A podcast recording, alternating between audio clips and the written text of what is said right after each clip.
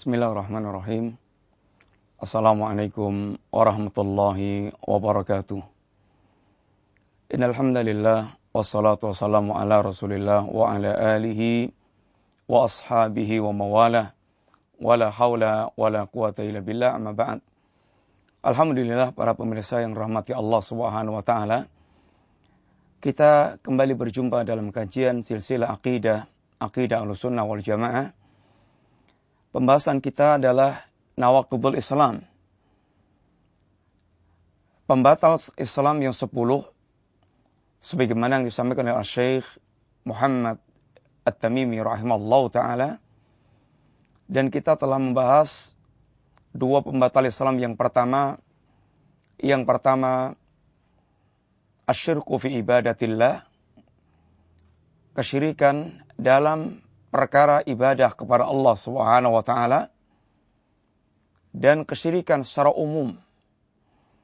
Yang kedua, man ja'ala bainahu wa bainallahi wasa'il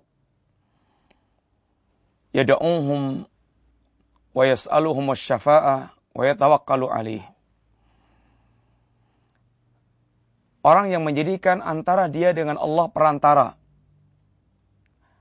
yang kemudian dia berdoa kepada perantara tersebut meminta syafaat kepada mereka. Wa yatawakkalu alihim dan mereka dan bertawakal kepada para perantara itu. Maka yang demikian adalah kekafiran. Sekarang kita insyaallah masuk pada pembatal yang ketiga yaitu malam yukafiril musyrikin au yashukku fi kufrihim aw sahhaha madhabahum kafar. Yang ketiga kata beliau, barang siapa yang tidak mengkafirkan orang musyrik, barang siapa yang tidak mengkafirkan orang kafir, dan atau dia ragu terhadap kesyirikan mereka, terhadap kekafiran mereka, atau mereka membenarkan mazhab, pemikiran, aliran, kekafiran, dan kesyirikan mereka. Para pemirsa yang dirahmati Allah Subhanahu wa taala,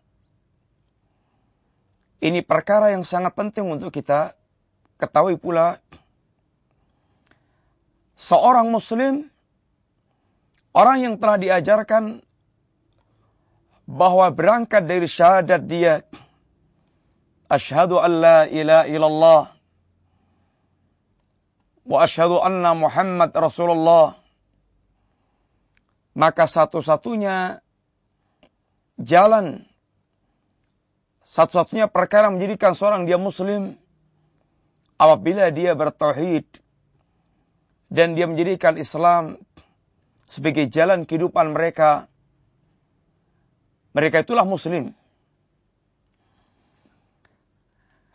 Demikian pula yang perlu kita penting catat di sini, yang sangat penting untuk kita catat di sini, bahwa mengkafirkan itu adalah hak Allah Subhanahu wa taala semata-mata. Apa yang Allah kafirkan wajib buat kita untuk mengkafirkannya. Dan apa yang tidak Allah kafirkan, kita tidak boleh mengkafirkan perkara tersebut. Allah Subhanahu wa taala telah mengkafirkan orang-orang kafir dan orang-orang musyrik dari kalangan Yahudi, dari kalangan Nasrani dan orang-orang musyrik. Yahudi dan Nasrani dikafirkan oleh Allah Subhanahu wa taala karena kekafiran mereka terhadap Allah. Dan karena kekurangan ajaran mereka terhadap Allah. Dan karena mereka mengingkari Nabiullah Muhammad sallallahu alaihi wasallam. Demikian pula orang-orang musyrikin. Bagaimana mereka menyekutukan Allah Subhanahu wa taala. Sebagaimana di antaranya Allah katakan tentang orang Yahudi dan orang Nasrani Laqad kafara alladhina qalu innallaha huwal Masih ibnu Maryam. Telah kafirlah orang yang mengatakan bahwasanya Allah adalah Al-Masih ibnu Maryam. Laqad kafara alladziina qalu innallaha thalithu thalathah. Telah kafirlah orang yang mengatakan Allah satu di antara yang tiga. Ada Tuhan Allah, ada Tuhan Ruhul Kudus, uh, Tuhan Bapa, ada Tuhan Anak, Tuhan Bapa, Tuhan Anak, Tuhan Rohul Kudus. Keyakinan-keyakinan seperti tadi merupakan kekafiran yang telah dikafirkan oleh Allah Subhanahu wa taala. Maka apa yang telah dikafirkan Allah wajib orang yang mereka mengimani Allah, mengimani Al-Qur'an dan mengimani Rasulullah sallallahu alaihi wasallam dia bersikap sebagaimana yang telah dijelaskan oleh Allah Subhanahu wa taala. Demikian pula bagaimana Yahudi yang telah mengatakan waqalatil yahud Uzair ibn Allah. Orang-orang Yahudi mengatakan Uzair ibn Allah. Maka ini merupakan keyakinan kekafiran sebagaimana kafirnya Nasrani yang mengatakan waqalatin nasara Isa ibn Allah dan orang Nasrani telah mengatakan Isa ibn Allah. Ini keyakinan yang telah dikafirkan oleh Allah Subhanahu wa taala. Kenapa demikian? Karena Allah telah menjelaskan tentang dirinya, "Qul huwallahu ahad." Allahu as-samad. Lam yalid wa lam yulad wa lam yakun lahu kufuwan ahad. Allah Subhanahu wa taala adalah ahad. Allah satu-satunya, Allah tunggal. Allah tidak ada duanya dan tidak ada tiganya. Allah satu-satunya, ahad. Allah tempat bergantungnya seluruh para makhluk, as-samad. Allah subhanahu wa ta'ala tidak melahirkan dan tidak dilahirkan. Allah satu-satunya.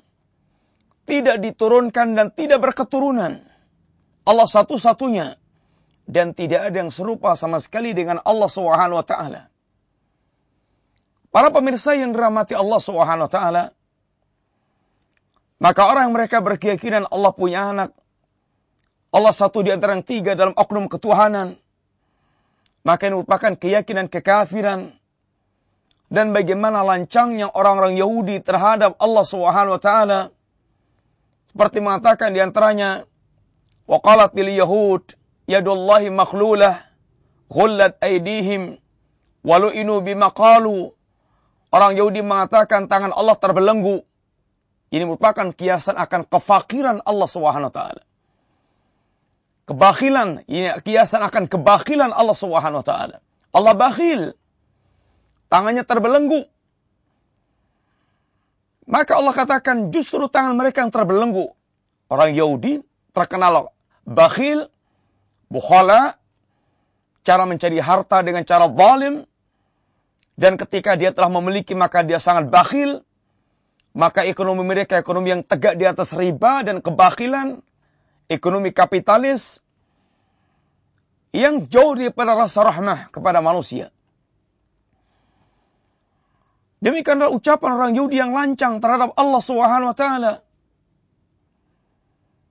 Laqad sami Allahu qala alladziina qalu inna Allah faqirun wa nahnu aghnia. Sungguh Allah telah mendengar ucapan orang yang mengatakan Allah fakir. Allah subhanahu wa ta'ala adalah fakir. Allah adalah miskin, fakir, kere. Dari mana orang Yahudi lancang seperti ini? Allah dengan bahasa yang Masya Allah. Segala pemberian datang dari Allah. Dan Allah inginkan manusia berbuat baik. Tapi Allah dengan ungkapan.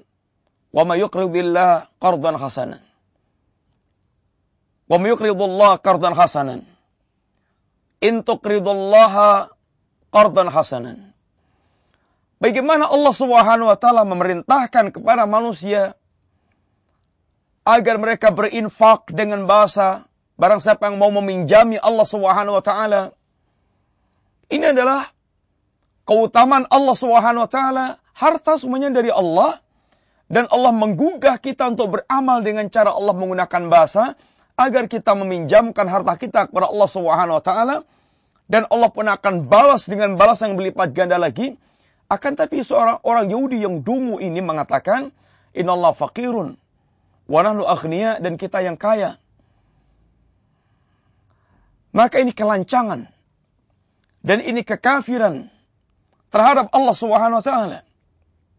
Sebagaimana pula orang-orang Yahudi dan orang-orang Nasrani yang mereka mengingkari Rasulullah sallallahu alaihi wasallam.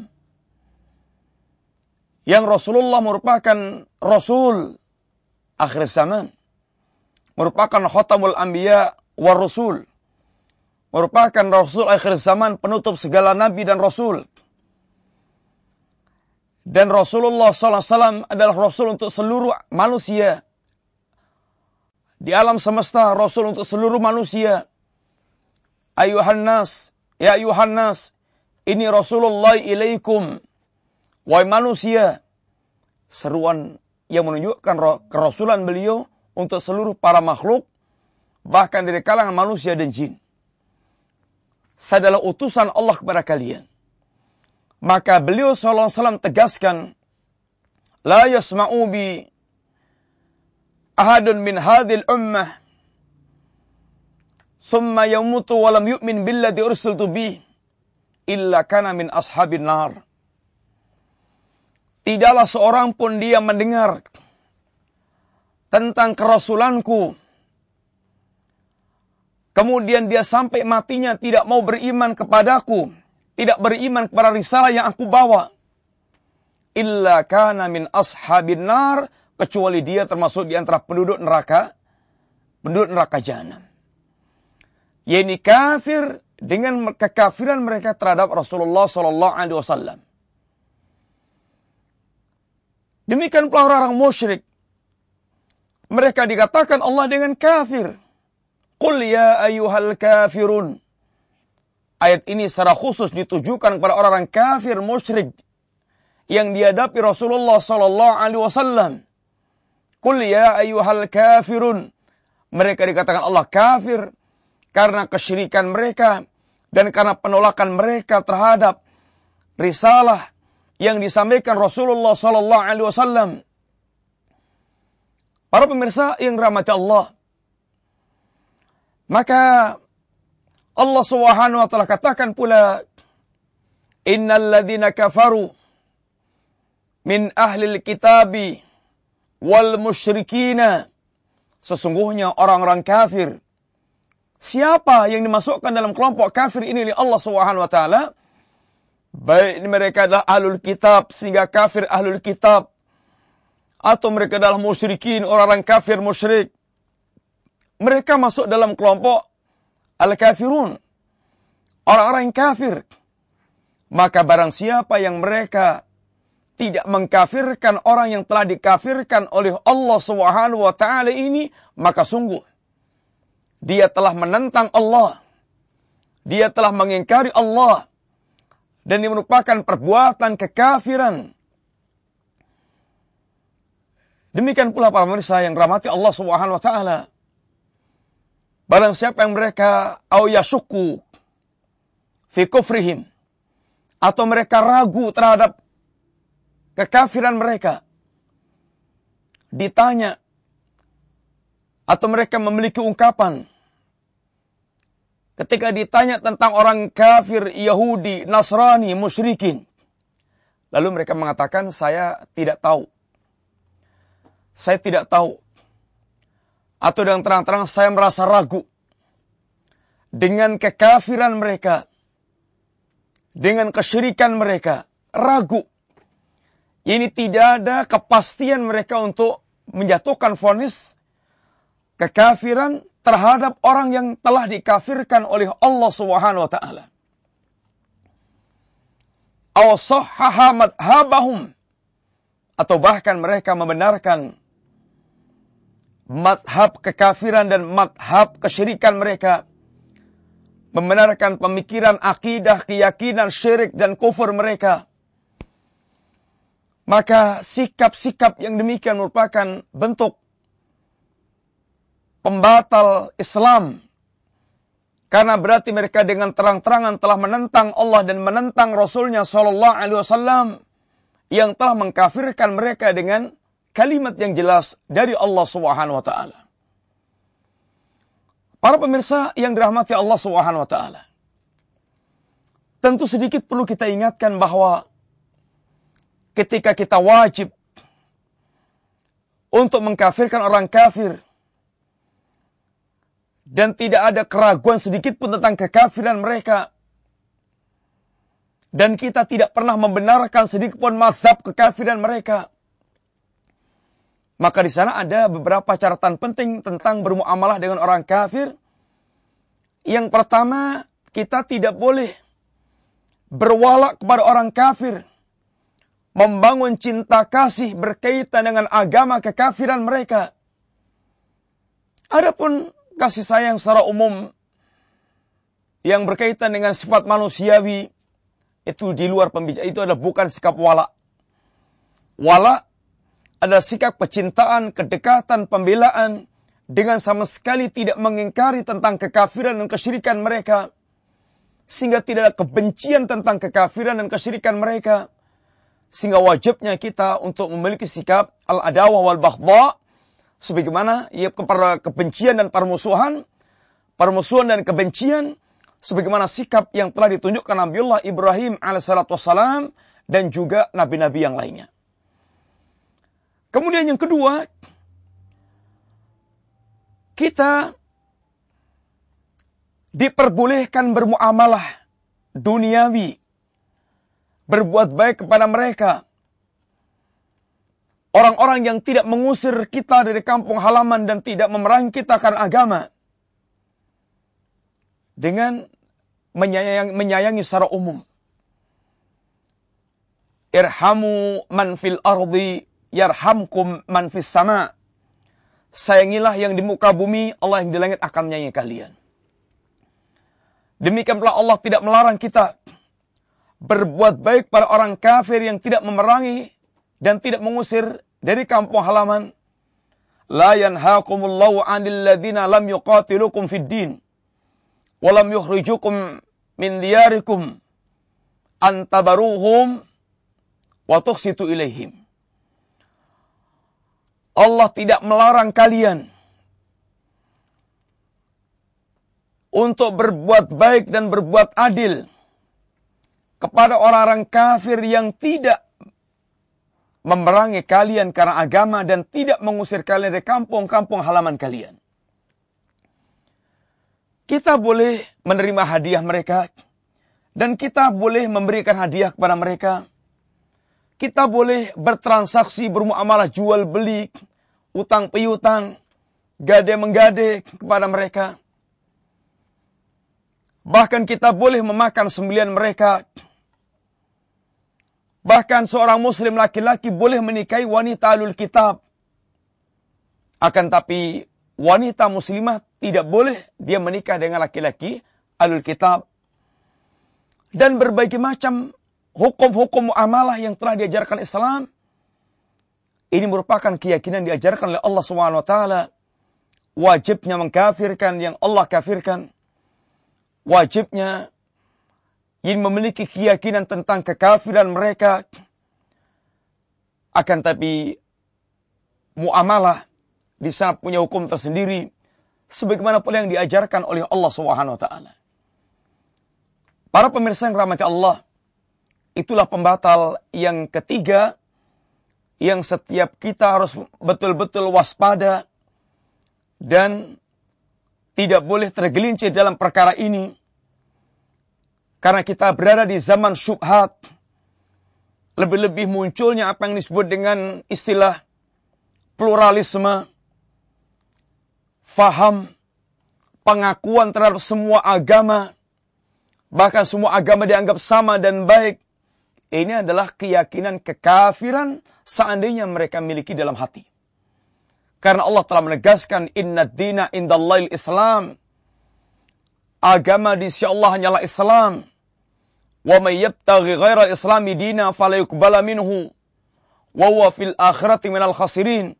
Barang siapa mencari agama selain Islam maka tidak akan ditolak oleh Allah dan mereka akan rugi di akhirat kelak. Sehingga ajaran pluralisme, ajaran kekafiran yang telah diingkari oleh para ulama kaum muslimin dengan nas-nas Al-Quran dan nas-nas As-Sunnah dan dengan kesepakatan ulama kaum muslimin ajaran yang sesat dan menyesatkan mudah-mudahan Allah melindungi kita dari kerusakan akidah yang merupakan kerusakan yang paling berbahaya dari seluruh kerusakan agama kita. Mudah-mudahan Allah memelihara kita istiqamah di atas agama, memperbaiki agama kita, menyelamatkan akidah kita hingga kita ketemu Allah ketemu Allah dalam keadaan muslim, muwahid, mukmin dan akan dipersilahkan menjadi ahlul jannah. Mudah-mudahan manfaat. Wassallallahu ala nabiyyina Muhammadin wa ala alihi wa sahbihi wasallam. Assalamualaikum warahmatullahi wabarakatuh.